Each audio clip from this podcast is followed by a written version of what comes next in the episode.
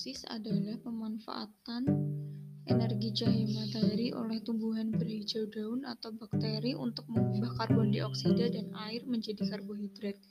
Tumbuhan hijau membuat makanan sendiri melalui proses biokimia pada klorofil dengan bantuan cahaya matahari.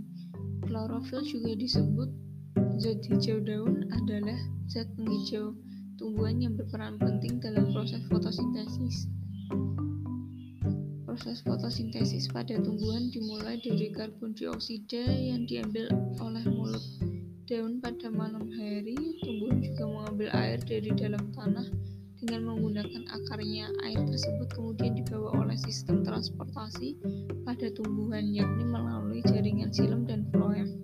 Pada saat cahaya matahari muncul, klorofil pada tumbuhan akan menyerap cahaya untuk digunakan sebagai energi utama dalam pembuatan glukosa. Glukosa yang dihasilkan dari proses fotosintesis tersebut akan menjadi bahan bakar dasar. Bahan bakar dasar tersebut bakal diolah lagi menjadi berbagai zat makanan bagi tumbuhan, misalnya protein dan lemak, dan sebagainya. Manfaat fotosintesis manusia, hewan juga mengonsumsi beberapa jenis tumbuhan hijau. Manusia, hewan yang mengkonsumsi tumbuhan hijau otomatis juga akan mendapatkan manfaat seperti protein.